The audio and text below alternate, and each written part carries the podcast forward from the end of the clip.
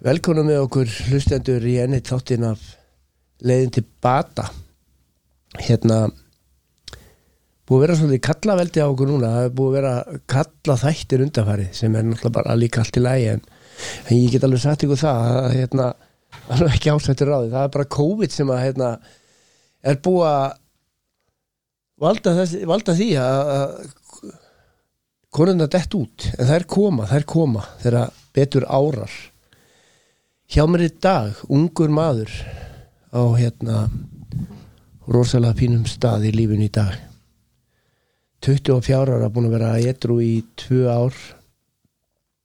Fór ekki í meðferð en hérna sá það einhvern veginn bara sjálfur að hann, hann þyrti að taka á sínu lífi og, og hérna snúið blaðinu og það er einmitt það sem að hann ætlar að segja okkur frá og eftir. Kemur úr hérna áfengisneislu kókain róandi livjum og annað 15 ára þegar hann fær sér fyrst þegar hann verður byrjað að smakka það verður hérna það verður gaman að heyra söguna hans og hún kemur hérna hlutlega bara velkomin. Takk fyrir það. Herðu þú hérna ég var nú með því á lista hérna um daginn. Þú náttúrulega darst hans út þú próst í COVID Já, og, og pjekst veiruna. Já, ég var í einangrun í átjón daga eða eitthvað. Já, ok. Hvernig var það? með veiruna? Það tók á sko aðalega þessi, þú veist, að vera inni sko í einangrun en veiran tók nú ekkert mikið á sko. Ég Nei. heyri nú kenningu ekkert um hana fyrirhandi drikkjumenn og, og þeir ef að maður er nú bara að gera ímislegt við líkamann á sig sko þannig að þessi veira líkamann tekið bara skeinir henni sko. Já vel brinja er ímsi vanir sko. Það er hérna, eins og þú segir það tekur á að vera í, í einangrun heima hjá sér og, ja, nei, ekkert heima hjá sér þú hefur verið á spítala þá. Ég var heima á mér. Já, og bara heima þér allir tíma já. en það er einhvern veginn, það tekur á. Já, er gott að, er að vera í prógrami þá? Já, ég, ekkert smá sko. Gott að geta komist á Zoom og, og þú veist, bara vera með net og geta að tala við annað fólk sko. Já, nákvæmlega herðu, ég fór svona létt aðeins yfir söguna þeina mm um, 15 ára þegar þú byrjar. Já, 24 ára þegar þú hættir. Mm, 20 og Nei, 22 22 já, þegar þú hættir. Uh, ekkert neitt rosalega langu tími maður hefur oft hirt meira Já. í neyslu en, en bara við byrjum að byrjunni hvernig svona hvernig, hvernig sér þetta í dag svona þessi tími þú varst að byrja á hana? Ég man eftir, veist, það er mikill alkoholismi í fjölskyldinu hjá mér og, og svona ólst upp á alkoholisku heimili og á hérna eldri bróðir og eða eldri bræður það var einn sem á svona, þú veist kom senna svona uppheldsbróður eru alltaf mikill neyslu og pabbi minn og þú veist, ég man hvað þetta var mikið svona ströggl þegar ég var yngri sko, þú veist alltaf, maður alltaf að eitthvað einu vona bara að, að besta skilur með eins og pappa og þú veist bara hann myndi ná eitthvað einu að halda sér þetta skiptið, þú veist maður skildi það náttúrulega ekkert. Og einhvern tímann einhvern tímann þú veist þegar mamma var alltaf að peka í mig og segja hérna segja við mig að þú veist ég, ef ég myndi prófa að drekka eða dópa þá væri ég nú líklegast með þessi sömu gen sko þannig að þannig að ég ert að passa mig á þessu og þú veist, ég te tek ákvörðan ekkert um hann þú veist, ég veit það ekki, tíu ára eða eitthvað þannig að ég bara, þú veist, ég get ekki gert þetta, þú veist mm. og ætli bara að láta þetta vera já, bara ekki sens sko. og þú veist, ég var og þú veist, mamma mín og pabbi reyktu mikið þú veist, ég hef aldrei reykt síkardi sko. Þú veist, ég var alveg svona fastur á prinsipunum mínum sko. mm -hmm. og hérna en þú veist, svo svo eitthvað kom að þú veist, ég, ég man eftir að kom svona svona marítafræðsla og hérna ég held ég verið 13 og 12-13 ára eða eitthvað á sínt svona heilaskunna mynd á heilunum að þú byrja að drekka undir 15 og yfir 15 og einhvern veginn þar á staðanum tók ég bara ákvörðunum ég myndi bara að byrja 15 ára sko. oh. Svo að því að það var svo mikil munur á þessum myndum uh -huh.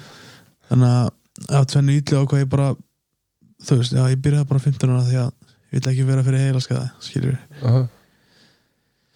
en hérna ég trúi að þú veist á árunni frá 15 til 16 ára hef ég bætt upp fyrir þessi hín ár sko hvernig hvernig upplifum var þetta?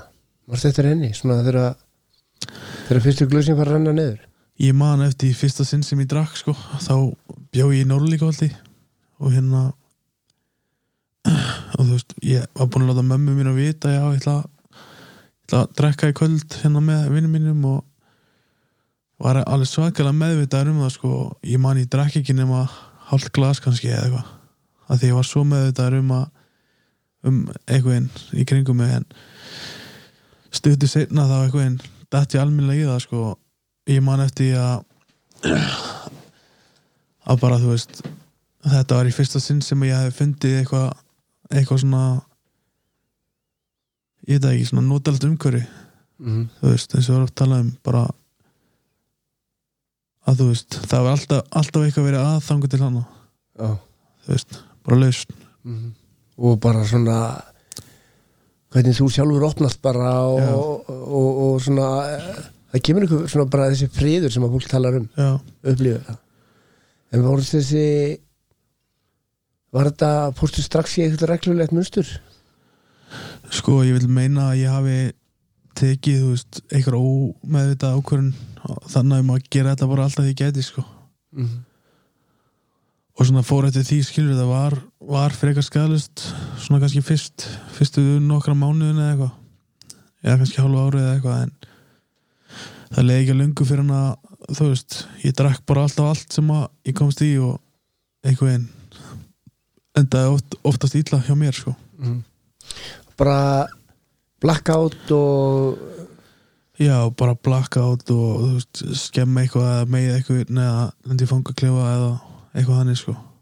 Byrjaði það svona það, það byrja mjög snemma. Já. það vandræðin í kringum þetta. Já.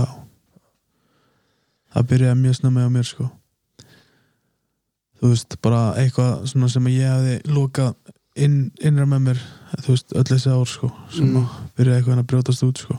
Hvernig er með félagskapin þetta er svona Já, ég fél, já, líka náttúrulega félagskapurinn sko en þú veist, ég náttúrulega bara laða líka að mig þannig félagskap sko. Sem ég leið bara illa alltaf þegar ég var yngri og og þú veist, tengdi mest við það sem leiði illa sko. Hvað hérna þú svo svo koma efnin og kókain Já, hvað er langt í þetta? Ráðu byrja að drekka? Ég man eftir því að hérna ég hef verið svona 16 ára eða eitthvað. Og hérna það var, þú veist, það var kom á það sem ég hóta einhverjum lauruglumennum og það kom á svona ég var bara eiginlega ofurölvi og þú veist, eðlendi einhverjum á, á, átökum við laurugluna og þú veist, var aftur í lauruglubíl og hérna þá hefði komið sem sagt náðast á myndband og í mynd eh, hérna með hljóði að ég var að hóta lauruglumann Mm. og hérna þannig er ég eitthvað 16, 16 ára eitthvað og, og þá hérna þú veist, það talaði um að að þetta er- verði kært og mögulega ég geti farið í fangilsi sko, þá, þá átti ég að vera ungur sko.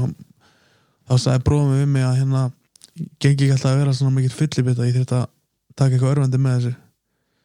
Svo þannig að þá einhvern út frá þessu þá prófa ég amfetamin með þessu mm -hmm. og þú veist, það var það var aftur svona bara þú veist, þannig að þú veist, var ég búin að lifa með þessu vandamúli að þú veist, drikkjan er eitthvað brusileg og gengur ítla og eitthvað ég man að mamma á þessu sama ári eða eitthvað þá hérna fór, brotnaði mamma mín niður og báði mig um að fyrir meðferð og eitthvað svona en þú veist, ég var, ég var alveg vissum að þetta var ekkert vandamál og ég get alveg gert það eitthvað eins sko Mm -hmm. og hérna ég meit, þú veist þegar ég byrja að blanda þessu saman veginn þá þá fæ ég einhvern veginn aftur þessa stjórnskilur sem ég held ég hafi alltaf þú veist, ég einhvern veginn náði að vera ekki alltaf bara að gera eitthvað, þú veist, vera bara stjórnlaus, Mm -hmm. þú veist, þannig að gætur ekki meira og það er svona kannski bara opnast svona bara annar klukki kemur bara svona nýtt bara algjörlega bara önnurlaust sko. lausn og þetta hefði ég átt að prófa miklu fyrir og já, Já. mitt svo náttúrulega bara, þú veist, þróast þetta og þú veist, ég, þú veist tók vantilega mikið þessu líka bara eins og áfengi og og þá náttúrulega átti ég erið með að sofa og svo bara fór ég upp í kókaðinni þetta er auðveldar með að sofa því og þú veist, verði eitthvað einn líka bara ástákin á kókaðinni Mhm. þú veist, áhrifunum af því. Það bara einmitt líka, þú veist mér fannst ég bara einhvern geta sigra heiminn, sko. Þegar ég var á bara eitthvað góðri blöndu af áfengi og kókaðinni saman, sko. Komin í dagnislu þannig að snemma þá bara á þessu eða? Nei, ég veist að ég helst mjög lengi nefnilega í hérna helganistu sko, þú veist, þannig að ég var byrjað að selja fíknið með hann á 16 ára eða eitthvað og þú veist, það var bara einhver einn titillin minn, þú veist, ég var bara fíkniðumsali, dópsali, skiljur og bara aðal vinnan er henni veru. Já, þú veist, og bara neyslan var bara nummið tvö sko. Hversu svona hversu víðáttu mikið verður það? Hversu, svona, svona, hversu stórt verður þetta þú veist að þín, svona, þín fíknefnarsala til dæmis? Hún var nú orðin, þú veist byrjaði náttúrulega bara eins og örgulega flest allir aðrir sko en svo náttúrulega, þú veist, ef maður er alveg upp í þessu öllu, þannig að veist, maður þekkir alla svona sem, sem að maður þarf að þekka skilur en en þú veist, bara með já, ég veist, ég lagði alveg hart á mig sko að- að byggja mér upp, þú veist, eitthvað svona net og, og vera með þú veist, þannig að þetta var orðið alveg svona frekar umfangsmikið á tímabili sko mm. og þú veist, þessu lifi ég brá og lifi bara ágætlega á því sko en alltaf margt sem fylgir þessu líka eins og bara, þú veist, lögreglan og fólk sem borgar ekki og þú veist bara fólk sem að fílar ekki komið mér gengur vel að selja eða, eða samkjörnsaðalara eða eitthvað annað sko. mm. þetta er eiginlega bara svona þetta er eiginlega bara svona líf, uh, lýsa bara svona bara undir heimunum já, mm. algjörlega þú veist, miklu peningar í þessu. Já, og þetta er svona þetta er bara svona framtíð. Þú ert bara, þú ert bara með efni þín sem að þér líkar, þú elskar nóga peningum, nóg gott net. Já, og þetta er eiginlega bara þarna sér maður bara svona framtíðin að þetta er bara, þetta getur ekkit verið betra. Nei, þetta er einmitt, þú veist einhvers staðar, þú veist, á þegar ég var yngri þá einhvern tók ég líka ákvörðin sko að, þú veist, ég ætla að verða þessi gaur, skilur, veist. Bara ég held ég, þú veist, er, þegar ég var yngri ég bara, ég held ég er góður svona glæfmaður, sko, mm -hmm. og þú veist, ég var alveg heldur góður í, sko. Þú veist bara einhvern veginn að vera að selja og bara rukka á sem borgi ekki og og bara einhvern veginn lifa þessu lífið, þú veist. Þetta var bara einhvern veginn draumur minn á þessum tíma, sko. Rukka það sem að borgar ekki já, það er það, það er svona á þess að ég þekki það en það sem maður hefur heyrt það er svona, það er ekkit svona þú sendir ekkit bref vinsalega borgað og gjaldta Nei, nei, en oftast, sko, ég reyndi alltaf eftir fremstu getu bara að vera mjög sangjan, sko, þú veist. Það er, þú veist, ekkert eitthvað ég liti ekkert undan, sko, en en ég reyndi alltaf að vera, þú veist, bara fastur á mínu þess að sangjan, sko, mm. átök í kynningu þetta? Já, það kom náttúrulega fyrir, þú veist. Uh þú veist, einhver er kannski ekki sammálaðar í einhverju þannig og, og þú veist það getur allt það getur allt orðið að einhverju vandamáli heimi, sko, -huh. hvað sem er, sko. Og endar alltaf þannig einhvern veginn. Já, endar alltaf hann sko, bara minnsta sko þú veist það er, en þú ert eins og segið, þú ferð hérna þú ferð sem sagt, þú hættir snemma. Byrjar snemma en hættir já, hættir, hættir, hættir snemma. Þú ert 24 ára í dag. Já, 22 ára svona hættir þessu. Já. Uh, hvar svona hvar ertu stattur þegar svona þegar, þegar, þegar þessi ákvörðin er tekin eins og segir, hún er komin í glamur lífið, hún er komin með það sem hún pílar allt skiluru, já, en svo einhvern veginn eitt daginn að þá bara sko máli er, þú veist ég náði þessum þessu dæmi, þú veist, ég hef verið kannski svona tvítur eða eitthvað, þú veist þegar að, og náttúrulega, þú veist, ég lítið baka þá er þetta rosalega mikið sjálfsbleiking í kringum þetta allt, þú veist, ég var með þú veist, mörg, mörg hundru þúsunda mánuði og hérna ég bjóðsandi bílskur í breiðaltinu fyrir utan eða fóreldur mínum fattar ég, þú veist ég var með kannski fjórar, fimm, sex, alveg upp í tíu miljónir fallnar í þessum bílskur og þú veist, ekki eins og með klósetan inni og, og bara í nógi kasti, þú veist. Ég maður sko, það var svona bílskursverða opnari inn í bílskurinn og ég setti eins og allan peningin þar upp á svo hérna glemdi ég bara eitthvað hérna ég hef sett hann upp og ég bara kvíðakast að leita hann og fór upp til mömmu og, bara mamma ég er búin að týna 7 miljónum og svo var hann bara upp á þessu skilju þannig að þú veist það er bara það að þú veist geima peningin þú veist. Það var, þú veist, það var mikið hugarangur sko. Þess vegna enda ég á, að fá mig bankahólf fyrir þetta og, en þú veist þarna einhvern veginn þarna voru allir vinið mínir að týnast í meðferð og alltaf hérna bent á mig og sagt alltaf já hann hann er ekki alkoholisti sko. hann hefur stjórn á sem þá og ég var alltaf ég alltaf já þetta er bara sjálfsæði strákar. Þú veist. Ég trúði náttúrulega alveg líka sjálfur að hérna veist ég gæti gert það bara um helgar og gæti skemmt mér bara á sem að, sem að gekk í einhvern tíma sko. og svo náttúrulega bara veist einhvern þróast neyslan og ég man ég tók alltaf alltaf þess að um árumbundin tók ég alltaf ákvörðun að ég hérna ætlaði bara hætta, hætta að nota og ætlaði bara þú veist vera eitthrú og bara selja þú veist ennþá meira kannski eða eitthvað og ég ætla alltaf að vera eitthrú fram í april þess að fjóra mánuði og hérna svo var ég alltaf komin bara í á kaf í rugl í februar sko. kannski eitthvað svona eitthvað svona langandi ríkitúr sko. þú veist lengra en vennilega þá var ég búin að vera kannski tvo mánu ánveg að vera með þessa stórkastlega laust skiljar sem ég fekk frá áfengi og fíknefnum mm -hmm. þurfti eitthvað einn að fara að díla við allt sem var í gangi í hausnum á mér og, og bara lífið sko. Ánveg að hafa ásökun fyrir, veist þetta ég var búin að ákveða hana veist, eitthvað einu sjálf á mig ég ætla ekki að nota. Þessi ákvörðin sem þú tekur að, að hérna já, bara, bara að leita þær hjálpar og, og, og svona skoða þú veist, hvort þetta sé hvort þetta sé ekki brauti sem er að fara að verða edru mm -hmm.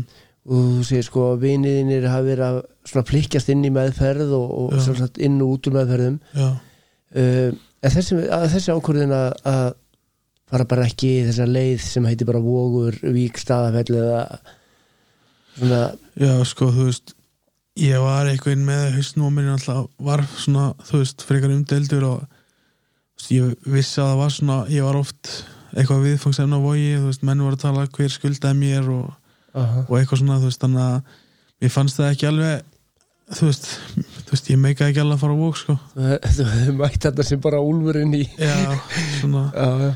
og fyrir utan það á þessum tíma þá ég held ég ekki að það væri svona mikið vandamál sko. Ég nei. bara þú veist, það var ekki fyrir en ég verið 21-20 ára þú veist, og mikið búið ganga á Mm og, þú veist, og, og hérna já, þú veist, það til dæmis að dómaður í eldhúsinu hjá fóreldri mínum og þú veist, það sama við pappa mínum í neslu veist, og ég kom á honum sko og hérna það er náttúrulega svona ákveð áfall og veist, mistum öll heimili fjölskyldan og, og þú veist bara svona eitthvað einn röð áfalla sko -hmm. og alltaf eitthvað einn vestnaði neistan með því. þú veist, ég bara svo eitthvað einn líka var ég bara komin, komin í eitthvað tengsl sem ég vildi ekkert veri sem ég fannst óþægild að veri þú veist, innan þessara heima eins og undalaðum og hérna þannig að þú veist það var alltaf erfiðar fyrir mig eitthvað einn að vera etru og díla við þetta allt og ég man eitthvað einn, þú veist, eftir tilfinningunni sem að ég og ok, þú veist, ég er bara að fara að gleyma öllu núna, þú veist og mér leið, þú veist, undir lúk nesluna leið mér best þannig að ég vildi helst ekkit vita hver ég var eða með hver ég var, þú veist bara einhvern veginn komin á þann stað að þú veist, ég vildi bara vera í blackouti sko, Mhm. og þú veist, bara tók þú veist, ég var alltaf með reglu hérna, þú veist, tek bara eina ríu og tól tíma fresti eða eitthvað svona dót sko. En allar þessi, prinsip og allar þessi reglur þær einhvern fóru bara út um glukkan sko.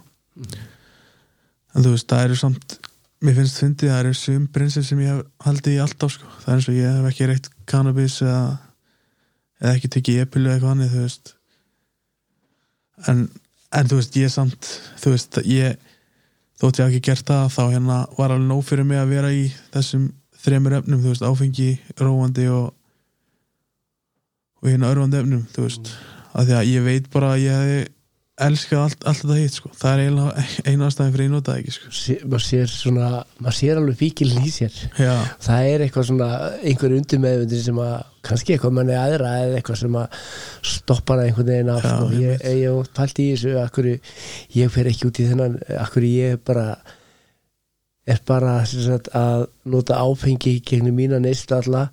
En þú veist á þessari rosalega mörgum árum þá er manni oft gegnum tíðina bóðið ímislegt skilur já, en þú veist ég held að hafi ekki verið eigin skinnsimi þarna sem sagði neytak sko það er, það er eitthvað annað sko, ekki, ekki, ekki getur maður sagt að maður hafi nú alltaf verið skynnsamur sko. nei, alls ekki sko. en, en, en hérna, þarna er einhverjar uh, sko margir sem að koma úr þessum heimi og, og, og þessum sterku efnum búin að vera nota þessi efni svona daglega og svona reglulega og, og magnað en glíma við til dæmis sjálfsvíks hugsanir já, eitthvað eh, tengir eitthvað í það?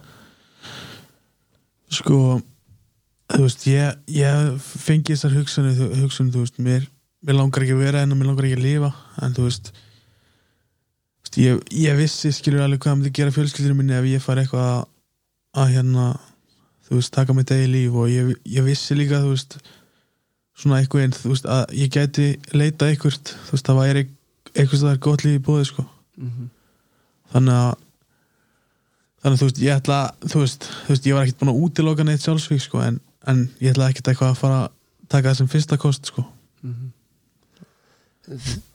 þegar ákvörðun er tekin hver, hver, hver leitar? sko, ég á einn vin sem að lappar út úr partí hjá mér 2016 og hérna og þú veist, við, við vorum mikið saman í neslu og svona, og þú veist og einhvern, mér fannst það alltaf rosalega gaman þegar við tveir vorum saman og svo hérna þú veist, kemur bara að því að hann fær nóg bara, hann er gaman til mér og veist, fór inn tveimur árum áður hérna, já, næstu tveimur árum áður og hann er einhvern þú veist, byrjar, ég ringi hann já, ég var í fangaklefa veist, þessi rest á mig að þetta gerðist eða, þú veist og hérna hann einhvern sagði alltaf það sama já, þú veist, viltu ekki kíka að funda bara panta vók mér, man, mér fannst það alltaf pyrrandi sko, Mm. að veist, það var ekki vandamáli sko, Nei, nei. á vandamáli að, að hinn hefði gert eitthvað, að þessi gerði eitthvað að þessi sagði eitthvað eða, eða löggan og svo pyrrandi alltaf að taka mig skilur, Mm en hérna svo einhvern, þú veist þegar neysla mér komið þangað eitthvað að þú veist, ég var bara einhvern alltaf farin að þú veist, þetta var að fara að taka það mig já einhvern, bæði, þú veist mamma mín, hún er mjög meður, hún sagði aldrei neitt sko, en þú veist, ég bara fann það á henni þú veist, hversu sárt þetta var orðið og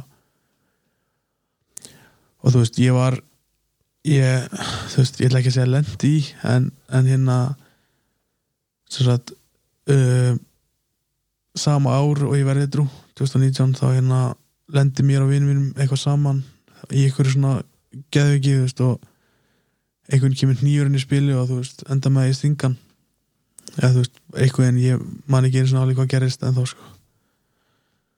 En þú veist þannig er ég handekinn og og þú veist þetta er svona einn stærsti eitthvað einn botnin í lífinu sko. Þú veist að allir bara vinur minn komið með veist stungu fara á bakið og veist, sama kvöld að ég geta sagt þér að þetta myndi aldrei gerast fattari, ég myndi aldrei ég myndi aldrei eitthvað fara veist, svona fattari -hmm. en þannig að veist fekk eitthvað 12 tíma í fangaklefunum bara til að hugsa mig um sko og og hérna ég held að þetta hafi verið svona þú veist ég, ég viss, ég var búin að vita í smá tíma þú veist að ég þann, að þú veist, ég var alltaf, sagði svona alltaf eitthvað eins og ég, ég þarf nú að fara að skoða þetta eitthvað þú veist, svona þess að fara að pæla í þessu skilur, þú veist, að, að kannski breyta neistinni eða reyna að finna einhverja leit svo stjórninni, sko. En hérna þarna, þú veist, var svona eiginlega fyrst sinn sem að kom bara, þú veist, og þú verður að fara að hætta, sko þú veist, að því að þarna var ég komin á stað, þann stað, sko, þú veist ég var ekkert enn að stjórna reynslinu neitt, ég var eiginlega bara enn að njóta hennar, sko og hérna þá oft var mikið stjórnleysi gangi sko. Mm -hmm. að því að þú veist ég það er talað um til dæmis í aðbókinni að oft er ekki menn halda fast að þrá ekki að geta stjórna neyslinu og nota hennar saman tíma sko. og einhvern því ég lítið baka þá sá ég að ég valdi klálega bara að njóta sko, í staðin fyrir að hafa eitthvað stjórn sko. Hefði ellust getað drukkið einn bjór á kvöldi sko, en mér hefði bara liðið alveg illa og ef ég hefði verið bara nefanum sko. Við erum bara, eins og kemur fram þetta er ekki eituliðin eða áfengi er ekki alltaf vandamáli sko Nei, og er raun og veru ekki vandamáli heldur ég tengi mjög mikið við það sko. Mhm. og þú veist, við fyrir tilbaka því ég er 15 ára og, og ég kynnist þessari löst sko, veist, ég veit ekki hvað ég væri, ekki, væri í dag ef að ég ekki fengið að þú veist, kynnast einhvern bara þú veist ég er mjög líklegri fyrir að fara falli fyrir einn hendi eða eitthvað ef ég ekki fundið þetta sko, Mhm. þú veist, af því að veist, og bara þú veist, ég hef aldrei drukkið að neitt, þá held ég að veit, veit, veit ekkert hvað ég væri í dag sko Mhm. einhvern bara Þarna þegar þú ferð inn í samtökin og ætlar að gera eitthvað í þínum málum hvað eru, eru fóreldur en þið stattir þá? Svona svona. þá hérna sko það var búið að vera sko mik mikið af hérna vandamálum mamma mín garinn sem er krabba minn þetta sama ár, bara mánu eftir ég var hann handekinn út af þessum vinum mínum og hérna og þú veist, einhverjum nokkur mánum áður gerist þetta hana með mannin í eldhúsinu og, og þau voru borin út úr íbúðinni þú veist og ég man það tókst alltaf á. En hérna pappi minn fór í meðferð þess að hálfa ári held ég áður en að eða einhverja nokkru mánuðum að ég fór að reyna þú veist, það var búið að vera mikil gremja og þú veist ég já, ég hérna það var ekki mikil ásta á milli sko okkur feðra á þenn tíma sko. Sem er kannski skiljanlegt það er, það er sé, það er mikið búið ganga á og, og svona mikil neysla hjá báðum það er, já, einmitt, þú veist og einhvern veginn já, þetta var mjög erfitt sko, þú veist, þannig okkar á milli og, þú veist, ég held bara þú veist að, þú veist, pappi minn væri þannig maður. Veist, ég held í langan tíma að ég hata hann sko. Mhm.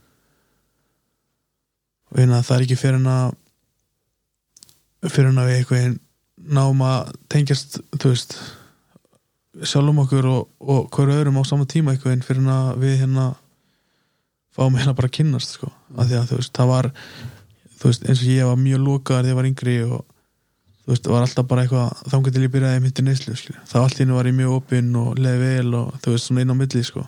Mhm. og sama hann, hann einhvern veginn alltaf bara búin að vera þú veist, í neyslu eða í brestum sko. andlega meini einhvern veginn og þú veist, þegar ég veit sjálfur hvað er ömulig staðar að vera á sko, þá hérna þá einhvern veginn skil ég þetta allt svo miklu betur en það er það er hérna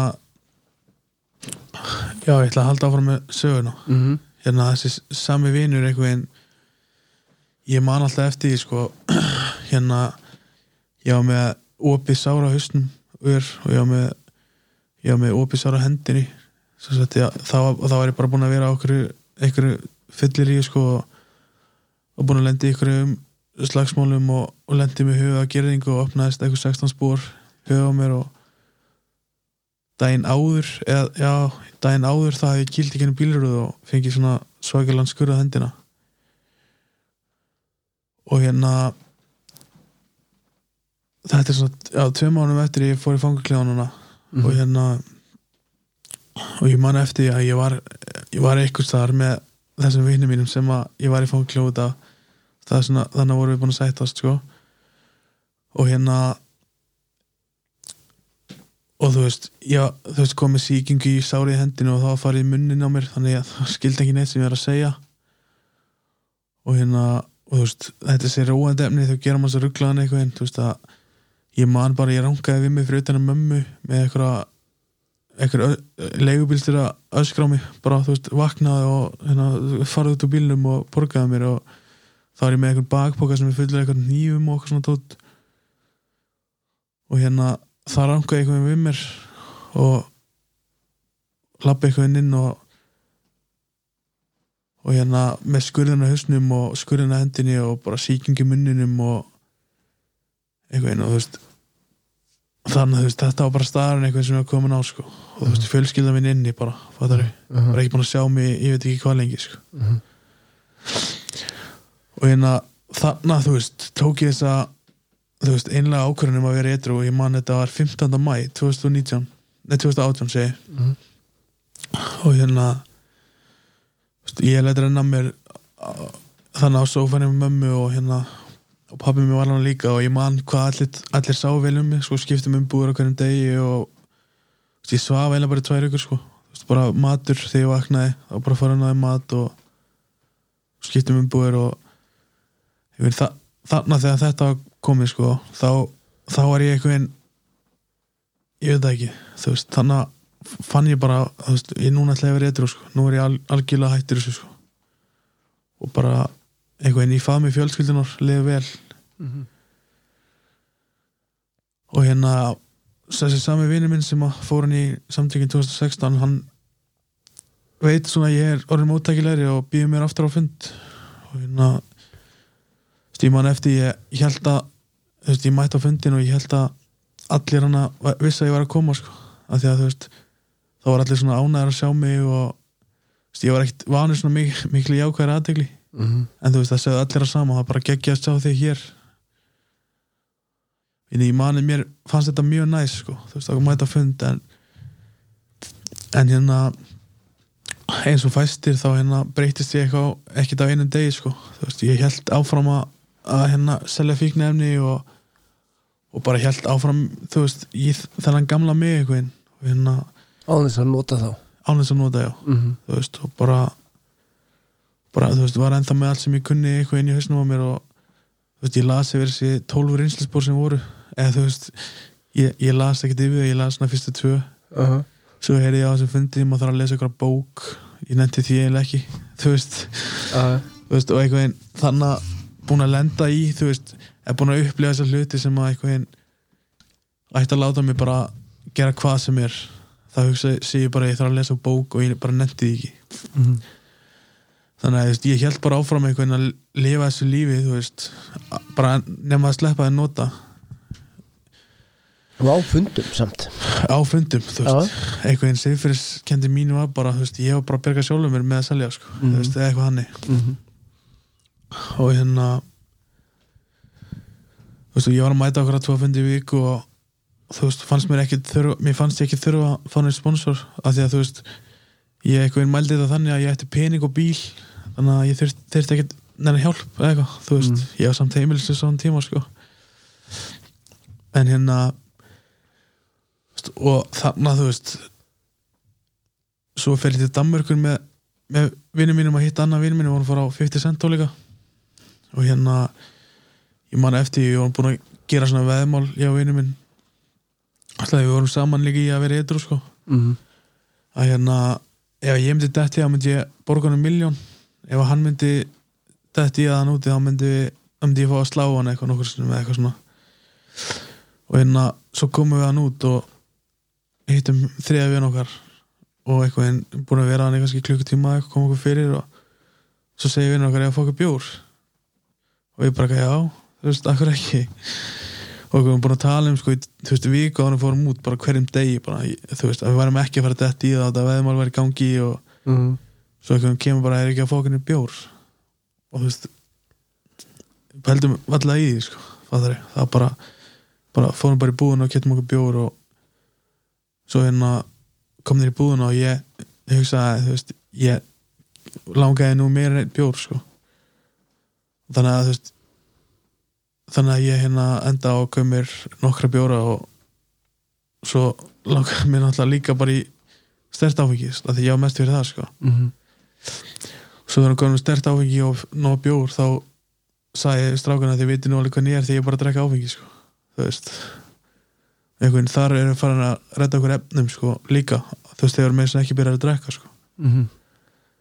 þannig að þú veist, sýnir svona hvað geði ekki mikil í kringum við eitthvað en hérna þetta var sem sagt þetta var seinasta skipti sem að ég sem sagt fekk mér Mhm.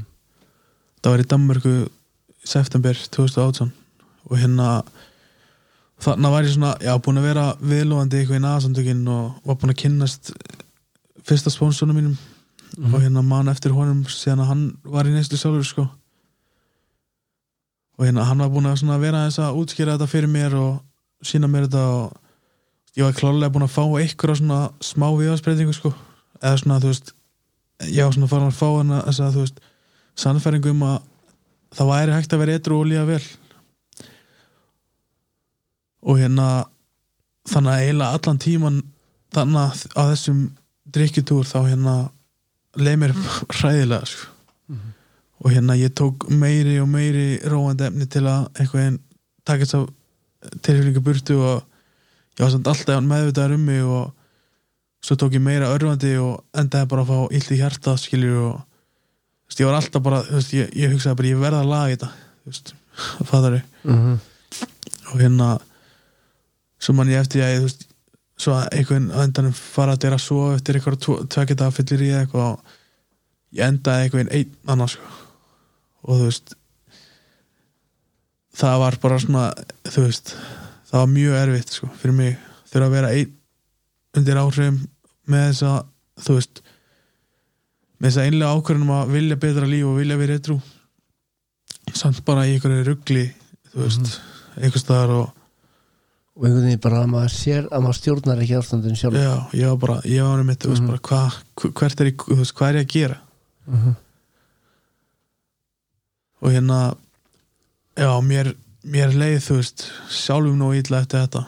Þú veist, eftir allt sem hefði gengið á þú veist, eftir allt sem ég hef gert öðrum eftir öllu, þú veist, sásökunum sem ég veit fjölskyldunum minni og allt það, það var ekki nóg fyrir mig til þess að hætta, sko. Mhm. það var bara þú veist, ég, já, það skipti mig einhver máli þannig, sko þú veist, en um leiðu þetta einhvern var verið vond fyrir mig og erfitt fyrir mig þá þá hérna var ég tilbúin að gera einhverja, eitthvað breytingar sko Mhm.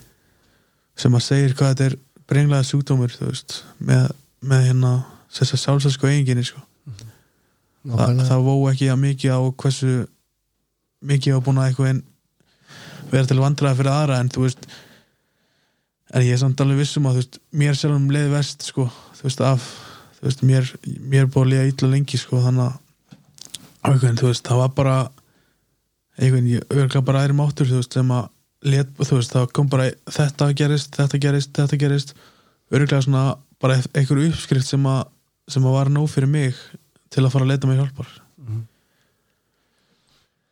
og hérna ég kem frá Danmörku og, og þú veist mann eftir að veist, ég var líka í þannig hóp, vinahóp sko, strakunni kringum mig, þeir voru allir svona slefandi eitthvað inn utan í að þú veist, svona skoðu þetta og, en enginn var að taka neitt marka á þessu sko. Nema, nema þessi vinnur minn sem ég átti hana sem að f- fór inn og og hérna ég fer, fer kem heim frá Danmörku og ég man ég far og, fór og baða hann mannum að hjálpa mér sem að var fyrsti sponsorum minn. Og hérna hann fór að útskýra þetta allt fyrir mér og segja mér hvað ég þurfti að gera til þess að ná okkur um árangri og þar á meðal var að ég þurfti að þú veist passa hvernig ég er í kringum að því að loka á þessu neysluvinni og þú veist já, umkringja mig bara með fólki sem að er sem hefur góð áhrif á mig Mhm. og hérna og ég gerði það og, og hérna smátt saman ég, mér satt líka að fara mikið á mikið afhendi og hérna mæta fyrr kannski vera hans eftir en að tengjast fólkinu þar og þú veist ég man eftir í svona fyrsta ári kannski fyrsta hálfa ári þú veist þá var ég svona fá þú veist bara eiginlega domgrind þú veist ég var bara svona eiginlega alast upp sko þegar fólk var að tala um einhverju hluti var ekki í lagi þá svona eiginlega bara þú veist, já, þetta er ekki lagi Fattarðu? Mhm. það fannst mér svona flestir hlutir sem kannski er ekkit þú veist, viðandi vera í lagi sko einhvern veginn, þú veist það er talað um þessi heila þóttur skilur eitthvað þannig en ég ætla hann að ná að hreinsa hausina mér af svona flest öllu öllum viðbjónum sko með að vera mikið veist, í kringum fó- fólk sem er andlað þjafnvægi og vinna þessi spór sko Mhm. og hérna fór sjálfur náttúrulega að vinna þessi spór með sponsor og hérna og þú veist, ég man líka eftir því því ég var búin að eitthvað í halvt ár þá eitthvað fekk ég þú veist, þá fekk ég svona bara eins og ég var lamin ham, með hamri í andliti þú veist, einhverja samvisku sko. bara, þú veist, ég er búin að vera bara ókýrsliður þú veist, við alla og þú veist þar fekk ég annað svona svona annan botn, skilur þú veist, einhvern gast aftur upp fyrir að fyrir þessu og þú veist þetta var svona þú veist, að ég verða upp fyrir þetta fyrsti botni minn þessi í Danmarku það var bara þú veist, þetta er búið, ég get ekki notað veist, ég er búið með alla mínu hugmyndir. Ég þarf að fara að gera eitthvað sem einhver annar segir mér. Veist, ég get ekki verið að særa fjölskyldum mína. En svo hann eftir einhver smá tíma að vera, vera að vinna þetta fullu og vera í kringum, þú veist fólk sem er að sem er búin að ná bata frá alkoholisma veist, þá fekk ég einhvern veginn, aftur, að hérna ég verða þú veist, vera besta útgána sjálfur mér og vera að bæta upp fyrir þetta og bara þú veist, já, vera góð mannes, manneska sko og þú veist eiginlega allan tíman síðan, þú veist, hef ég verið mjö, bara mjög góð prógrami og, og hérna alltaf náttúrulega með gott fólk í kringum mig sem að pekar í mig og og hérna já, sem pekar í mig og þú veist, ef, ef ég er að gera eitthvað vitlega sko, og, og svona oftast opinn fyrir gaggrinu sko, ekkert alltaf samt en, en, hérna, en reyna allavega að vera sko og, og þú veist, það eru bara magnaði hluti búin að gerast það þessum tveim árum sko. ég man eftir hérna það var vinkona mín í samtökunum sem að ég var heimilislaus sko, þegar ég kom frá Danmarku líka. Var, á, var bara he, bjóð hjá vinnu mínum. Og hérna vinkona mín segi við mig að þessi lust herbi kemur á fóreldrar minnar og hérna hún getur tjekka, ég hef búin að eitthvað í eitthvað tvo mánu eitthvað hana hún getur tjekka hvort ég get ekki veist, inn, inn á þeim sem sagt. Mhm. Og hérna þetta, er þetta, þú veist, vinkona mín eða sýstirna er búin að vera vinkona mín í mörg ár þannig að þetta var ekki eins og þetta væri alveg blá úkunnett fólk en, en ég átti svona vá sem að sögu sko. Aha. en hérna ég flyt svona þannig inn og býð þannig að ég hálft ár inn á fólki og það gekk bara mjög vel þú veist, og þú veist, það hjálpaði mér líka mjög mikið við að eitthvað hérna losna við, þú veist, þetta ego mitt sko og það. Og því sér bara svona þess að ok, ég get verið smá eðlur Já, einmitt, Aha. þú veist lífið snýst ekki um að þú veist, bara einmitt að, að þessi skulda þessum og þessi gerir þetta og, og hinn, þú veist eitthvað hérna þú veist, ég man líka eftir hérna, þú veist ég held að það hafi verið hérna þegar að ég tók þess að fyrstu ákvörðunum að vera eitthvað í mæja hérna, þá eitthvað en bara sjálfur þá, þú veist, ég, ég veist að hætta á, á þessum samfélagsmiðlum og hætti samsétti við þetta fólk skilur ég man hvað það var erfitt sko, maður var að fá bara þú veist, 50 símtal á dag sko, Aha. þú veist, og ég þurfti bara að sleppa símanum sko Mm. en hérna en þú veist, þótt að það vera erfitt að náði ég alveg sko Mhm. og hérna, og þótt ég að dótt í það þá fór ég ekkert í samband við þetta fólk aftur sko en þú veist, það er eitthvað, þetta dreigum mann alveg á sama stað sko mm. það var erfitt að koma alltaf aftur eftir að hafa þú veist, ég er alveg mjög þakkláttur fyrir að þetta hafi gæst í Danmark en ekki á Íslandi af því að ég hef verið í Íslandi þegar allir hinni fór að sofa þá hef ég alltaf bara farið út sko. Þetta er verið einhvern annan. Aha.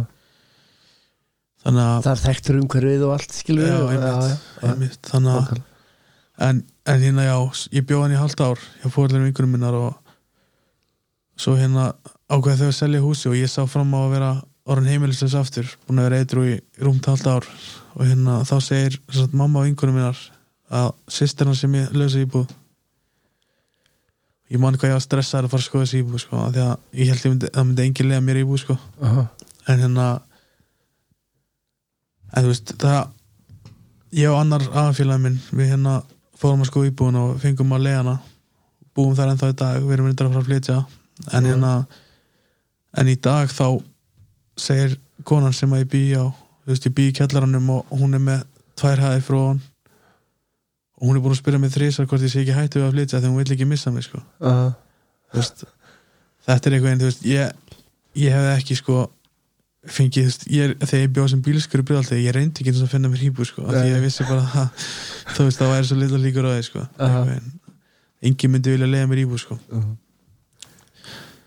Þannig að, Þannig ertu búin að vera þennan, þennan tíma og þarna þú fer bara eins og segir, þú fer strax að skoða þessi spór já, þú skoðar þessi og Já, hvernig list þér á þig? Svona, þú vorst að lýsa þetta fyrstur og last þau svona eða kíktir á þessi tvö fyrstu skilur þetta Já. var ekki fyrir þig svona. En hvernig er þetta svona hvernig gekk þér bara þessi, með, með þessa vinnu svona í upphafi? Sko hérna ég ég vil meina sko að ég hef líka verið heppin sko. Ég datt inn á bara þú veist, geggjaðan hóp sem var að gera þetta og útskýra þetta bara gett vel fyrir mér. Mm. þú veist, ég hef aldrei verið trúleysingi sko. Ég hef alltaf einhvern veginn, þú veist, ég er alveg upp í kristin trú og ég hef alltaf svona þú veist, ég hef stundum talað um Guð oftast þegar mér vanti hann sem mest sko, fók að klefa eitthvað þannig sko. Já, já. en hérna en þú veist, það var einhvern veginn, þú veist, ég fór í fyrst í hraðsporin og það, var, þú veist, útskýrt bara mjög vel fyrir mér veist, og ég var sammála svona heila flestu sko, þú veist, og þótt ég var ekki sammála þá einhvern veginn, þú veist, ég heyri bara, þú veist, þú verður bara að prófa að gera þetta, þú veist.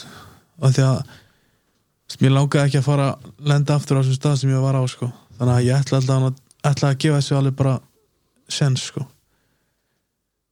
Og hérna já, þetta var útskýrt bara mjög vel fyrir mér og ég fór að gera þetta og ég, veist, ég fór fyrst í hraðsporin og þar fann ég hennar fúsleika þú veist, bara já, ég ætla að gera þetta og, og bara sama tíma að leið mig miklu betur gekk miklu betur, þú veist. Og þú veist bara þú veist, já, all lífið mitt einhvern batnaði sko. Mhm. og hérna svo hef ég búin að reytru í kringum ári eitthvað þá, þá hérna talaði við annan aðmann. Ég er í tæknilega með tvo sponsora núna sko þú veist og og hérna og ég baði hann um að fara með mér veist, það er svona svona gaur sem að ég hef heyrt þú veist, tala, þetta, tala með þetta program með mikill ástriði og þú veist alveg með þú veist bein í nefinu og þú veist og þú veist, ég vildi bara fara með þetta í- þú veist, ég gegnum þetta með honum líka og þú veist, af því ég vissi að hann fór svona ítaleg, ítalegt í þetta með dýft að þunga sko Mhm. þannig að þú veist, ég var bara komið áhuga á þessu þá og hérna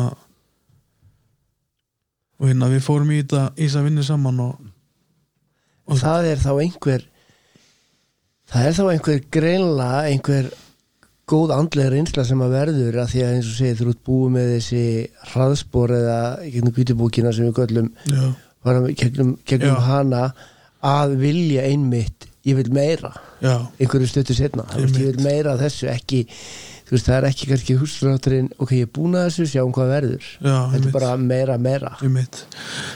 Þú veist, það var það var náttúrulega tuggi onni mig bara fyrst, þú veist, að fólk sem var lengra komið og á góðum stað, þú veist, það var bara þú getur ekki hægt að gera þetta, þú veist þú veist aldrei komið með þetta mm og mér var ráðalegt að fara 90-90 dögum og ég gerði það og fyrsta árum mitt var í daglega fund sko. -hmm. þú veist, ég fekk andlega vakningu þú veist, einhvern veginn við að bara, þú veist, það er hægt bara að, veist, ég held einhvern veginn að að því ég var náttúrulega bara búin að horfa alla í kringum mig, þú veist, fóreldra mína og bræða mína og vini mína, þú veist, aldrei var að ná þessu þannig að ég bara einhvern veginn bjóst við að ég myndi ekki ná þessu, sko en þú veist það stóð bara þú veist, að sponsorinn sagði ekkert um að við mig, veist ég, ég var búin að eitthvað held í einn mánu þegar ég ákvaða að hætta allir móðarleikar sko. hvernig gekk það?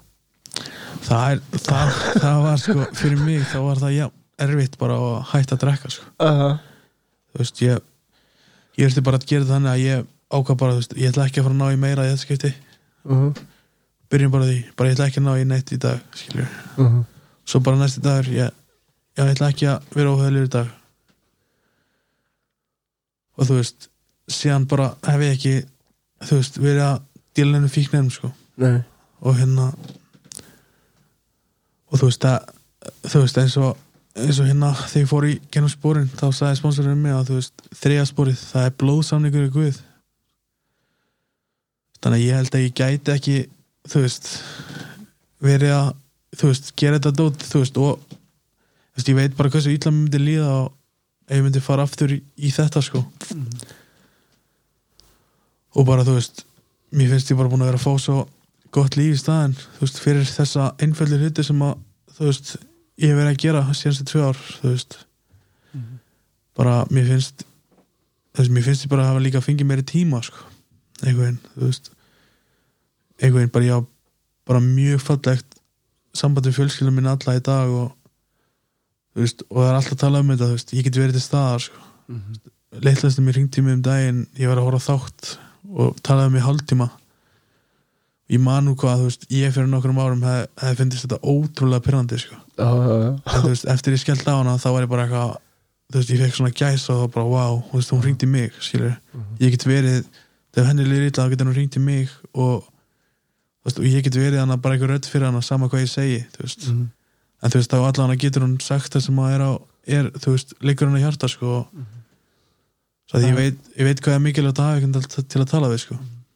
Það er þetta að maður finnur það maður er til staðar. Já og bara einmitt, þú veist þú veist, mamma mín og pappi mín og, og sískinni mín, þú veist ég átti ekkit ekkit fallegt samband við þau fyrir hann ég, eftir ég var edru og, og hérna fór í þessi spór, sko.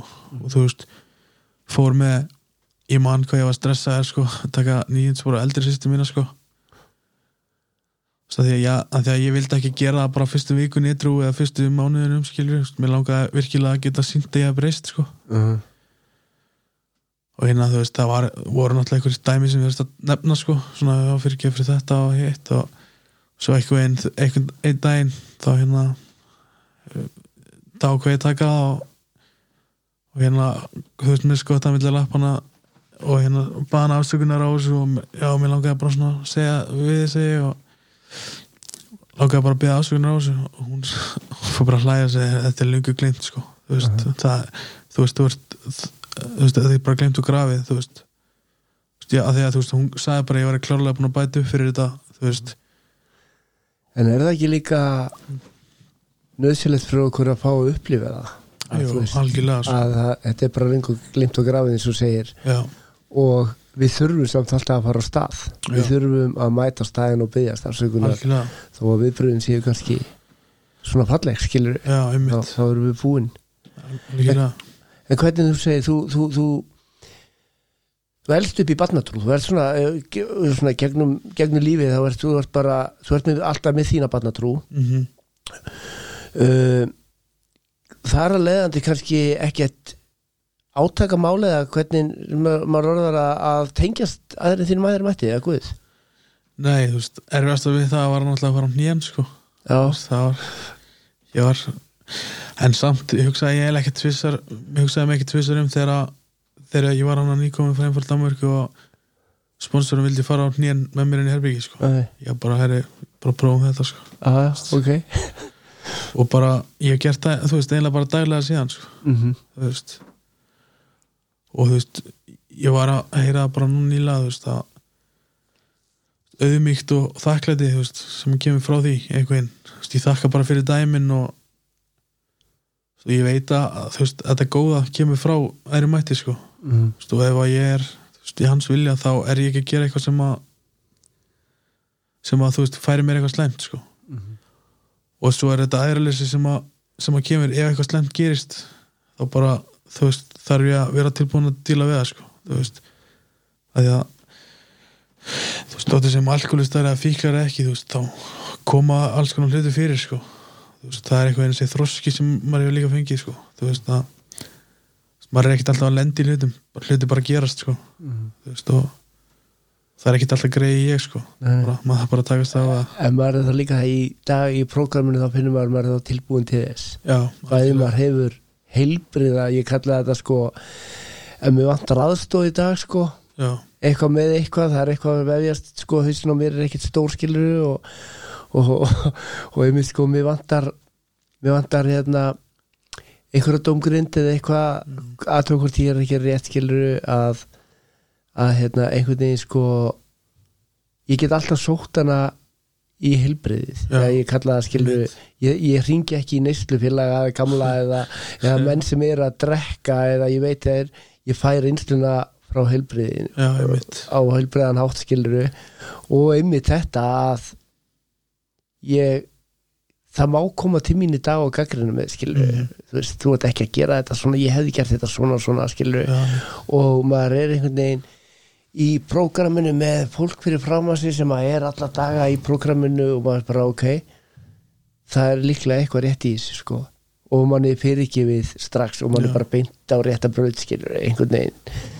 Það, það er, þú veist ég, ég held að sko um leiðum að fer út af sporinu eða fer að í neyslu aftur og týnist svona eins og gerist í mínu tilfelli að maður bara, ég er bara farin og ég heyri ekki í aðfélum eða aðsamtökunum í einhver ár skilur já, ég get ekki leita til þessara fólk uh, með, með eitthvað skilur þannig. Það er það síðasta sem að maður myndi gera einhvern veginn sjálfur skilur Mhm. þá er maður komin í þennan eigin vilja skilur já. Algjörlega en þannig að þú veist þú sér það virka í dag því það er mátt. Algjörlega. Og þú veist eins og verða að tala um gaggrinni skilur veist og, og, og það þú veist. Ef að orðið kærleikur þú veist, ef maður þarf að segja ykkur um eitthvað erfitt eða þú veist, segja að þú gerir þetta rámt eða þú veist, þú þarft að eða segja gaggrinni einhvern annan skilur þú veist, ef þú Mhm. tekur, ef þú tekur einhvern kærleik með þér inni eða þú veist, bara, já, mér bara þú veist, þykja væntu þig og þess vegna vill ég að þú veist segja þú veist, að vond líkt að þér eða eitthvað skilur -huh. þú veist, í staðin fyrir að segja við manneskina bara, þú veist, oi það vond líkt að þér færi styrtu, skilur Uh -huh. það er eitthvað, þú veist, þessi kærleikur ég man því ég kom inn í aðsamtökin þá hafði ég ekki heyrt orðið kærleikur bara síðan ég var í grunnskóla, sko Nei. og heyri þetta og ég bara wow, þú veist, ég er ekki búin að heyra þetta orðið lengi Mhm. og hérna þú veist, ég er búin að finna líka fyrir kærleignum þú veist, síðan í teins mínum væri mæti að þú veist, það er allt mikið auðveldara ef ég er með hann þú veist. Þú veist, að því að þú veist ég leit alltaf á mig bara þú veist, ég fekk þessi spilu hendina ég þarf að vera þessi þú veist, þessi maður, skilur og þú veist, ég þarf að gera þessa hluti sem eru kannski vondir hlutir.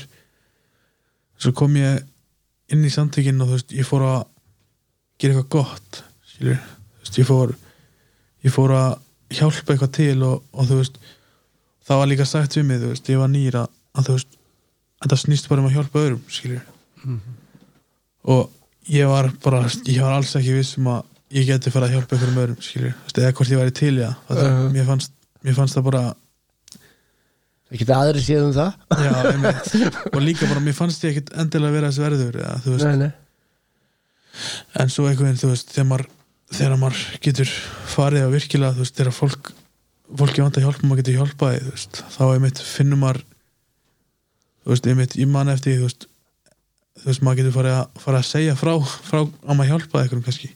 Kannski ekkit inn, endilega inn í samtökunum eða eitthvað þannig en hlugum dæmi, ég sá deilt inn á netinu að það var ára strákur sem var að læra mikið einhaldi skilur og, og hérna og svo ég sagði, talaði með mínu um það veist, ég sagði við hann hvort að ég ætti ekki að heyri í honum og, og reyna að peppa hann upp skilur Mm -hmm. og mér er aldrei dótt þetta tíu áður skilur nei. þú veist að, að, ég, ég geti gert eitthvað fyrir, fyrir einhvern að gera veist, þetta er einmitt, veist einhvern veginn, ég veit ekki það, þetta er að góða veist, góða sem ég hafði ekki áður sko. það koma líka eins og þú varst bara að segja frá þessu setjengin svo ljóst lifandi þetta dæmi sem þú situr í sópunum með heima hjá þér og þú ert að taka símtal frá yngri sýstiðinni skilur já, að hérna, þú tala við hana í hálftíma og þú veist ég, ég tengi svo mikið við þetta það, það opnast það, þú veist, maður fær einhverja tilfinningu. Já. Tilfinningan að koma aftur mm einhvern veginn hægt og rólega skilur, ég, ég held að þetta sé ekki eitthvað sem að er að fæðast nei, heldur að þetta er bara eitthvað tilfinningarnar voru eitthvað sem að vorum algjörlega búin að loka á. En, en þarna kemur einhver svona já, að við fáum tilfinningarnar aftur. Við fáum svona, við vittum við fáum svona lengt og ljóst hvernig okkur líður vel og af hverju og hvað við erum ána með eins þegar okkur líður ítla mm algjörlega og bara þú veist breytingin á eitthvað að fólk hennu vill fá, fá að tala við mann og fólk vill fá mann og heyri í Mhm. manni og það er náttúrulega þú veist að fara úr því að bara vera einhvern líti alltaf á sjálfan sig sem einhvern svartan sögur ringi lítið sem minn já, já, ringi lítla sýstir hérna sem einhvern svartan sögð og bara þú veist ég bara virkilega þú veist leit nýra sjálfan mig og bara hataði mig skilur Aha.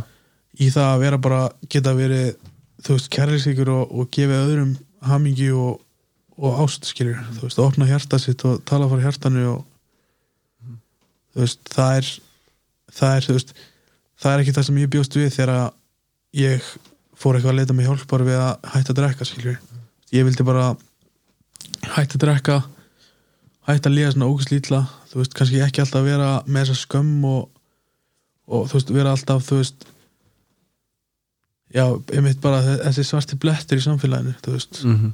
alltaf eitthvað vesinn skilur Mm -hmm. Og að fara úr því sem ég var þá og í það, það sem ég er í núna sko, þú veist. Ég hef bara þú veist, ég hef bara hleyjað þér. Eða eru sagt að þetta var breytingin skilur og þú veist, hvað þá eftir einhver ári viðbót skilur ég held að fórum að gera þetta? Við fáum gjafinar algjörlega, einhvern veginn þær koma og maður svona uppkvötur eitt daginn skilur það er svo mörg moment sem maður hefur verið heima hjá sér skilur og bara wow byrju akkur er lífið mér svona vel? Þú, þetta er svona allt í hennu það bara sko. En sponsa, það er, er það stór þáttur í svona það misjast hvað menn sponsa mikið og Mhm. menn sækjast eftir því. Það verður bara þessu og, og margar gildar ástæði fyrir því sem er reyna að fara í tóltaspor öðruvísi og, og það eru margar útgáfur til að því og margt hægt að gera. Já. En að svona sponsa einstaklinga í gegnum neti, neti. ég ætla að vera að því að ég, ég er komin í summi núna sko. Að sponsa einstaklinga í gegnum lífi bara og með þetta. Er, það, er það stór hluti á þér í dag? já, ég hef alltaf reynd að vera með einhvern til að sponsa en það er náttúrulega gengið vel og stundum illa. Mm -hmm. en hérna það sem að, já, þú veist ég, var, ég ætla hann alltaf til. Þú veist, ef eitthvað beðum um hjálp þá, þá segi ég alltaf já, sko og Mhm. bara gera þetta bestu getur bara eins og mér að kenda það svo, svo er ég líka með þremur öðrum í hérna, sem kallum stáli stál svo að það sem að við förum ítalega yfir svona prógramið og lífið og bara allt sko eiginlega. Já, ég, ég, ég hef heyrt af svoleiðis grúpum já, að hérna svona heiðarleika grúpur þar Já. sem að þú átt að vera heiðarlegur og kemst ekkert upp með annað en að vera heiðarlegur og Já. taka mútið ég mitt einmitt. Uh, já, þetta, þetta, þetta, þetta er líka mikilvægt. Það, það hefur, það hefur þetta hefur kent mér mikla ábyrð og þú veist, mikið þróskast með þessu sko. Mm -hmm. að því að þú veist, eins og, þú veist, maður vill ekkert eins og vera óþægilegur í þessu. Þú veist, maður er bara, herri á þetta þú veist, ég gerði þetta villust og það er svo mikill kærleikur, þú veist, í þessum hóp að, að þú veist, oft hefur maður verið að segja eitthvað, já, þú veist, ég er nú ekki alveg að gera þetta og svona og þú veist, menn bara heyrðu hætti þessu kjáta skilur, þú veist, þú ert bara að standa þig frábælega Aha. það er bara það er bara þú sem ert að gera eitthvað ó, þú veist hérna, þú veist, eitthvað alltaf mikla kröfur skilur, Mhm. og hérna þú veist, það færi maður bara, þú veist skýra mynd á hvernig ástandið maður er í, ekki bara alltaf það sem maður heldur sjálfur, sko, Aha, það er nákvæmlega. En það líka koma slæmi tímar og við eigum okkar erfiðu daga sem er þá líka gott að geta endur spekla sig líka. Algjörlega. Og hérna ég mitt bara vera, þú veist eins og allir mínir nánustu vinnir í dag eru alkoholistar mm. og flestir í bata sko, þú veist. Ég, oftast er ég bara búin að slíta sambandi eða það er ekki svoleiðis eða er bara einhvern veginn að reyna að koma einhverju koma mönnum á fund eða í, þú veist, program skilur en það er alltaf takmarka sem maður getur sem að ég get komið einhverjum öðrum í program skilur þannig að en já, flestir vinir mínir sem að veist, ég umgengst eru, eru bara í prógrami og þú veist, fjölskylda mín, pabbi minn og, og litlasinn mín og einn af bróðurum mínum þú veist, og mér finnst það líka mér finnst það mjög gott sko. Mm. þú veist, búið vera hérna búið frábær spjall. Við erum búið konin í rúma klukkutíma. Ok, það er, við erum enga stund að því. Við getum verið hérna miklu miklu lengur. Já, búið að vera frábært að fá að heyra bara magnaða sögu þína. Og hérna ég veit að hérna þetta er svona saga sem ég einhvern veginn finn það á mér að á eftir að hjálpa. Og hérna Jóna, það er mikið hlustað og, og hérna hlustunum að fara mikið upp á við og, og við erum þakklátti fyrir það. Allar kveðinar, kæru hlustendur sem sendið okkur og þið veit einhvern veginn að virkar þið getið sendt með skilabóð gegnum Facebook. Eða viljið eitthvað tengjast við með landum mínum og, og tengt eitthvað við það sem að hérna ykkur langar til að fá hjálp með þá er það bara minnsta máli við erum meina fyrir ykkur. Uh, takk hérlega fyrir komuna takk fyrir mig. og nú getur við bara að ringja lítið sýstur, hún er búin að ringja henni alveg. En hérna, hún hefur væntalega ekki miklar á ykkur það. Takk fyrir mig, kæra lustendur og hérna þanga til næstu viku. Þið veitir hvað það er, farið vel með ykkur. Nummer 1, 2 og 3, takk takk